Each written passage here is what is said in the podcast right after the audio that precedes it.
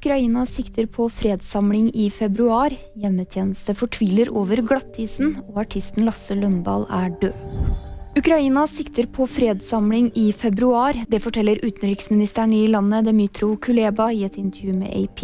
Etter å ha blitt spurt om de ønsker at Russland skal delta, svarer han at landet først må straffeforfølges for krigsforbrytelser av en internasjonal domstol, før de er villige til å forhandle med dem. Russland har lenge hevdet at de er klare for å møte Ukraina ved forhandlingsbordet, men Kuleba er skeptisk.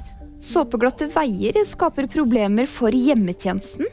Flere eldre i hovedstaden får ikke den hjelpen de skal ha på andre juledag, forteller daglig leder av hjemmetjenester på Diakonhjemmet. De ansatte sliter både med at de må kjøre saktere enn vanlig, i tillegg til at det er flere hjem det ikke er mulig å komme til inngangsdøren, sier Lillian Reiten. De som kan klare seg sjøl, må vi følge opp på telefon. Så må vi nedprioritere de som bare trenger hjelp med personlig hygiene, forteller hun.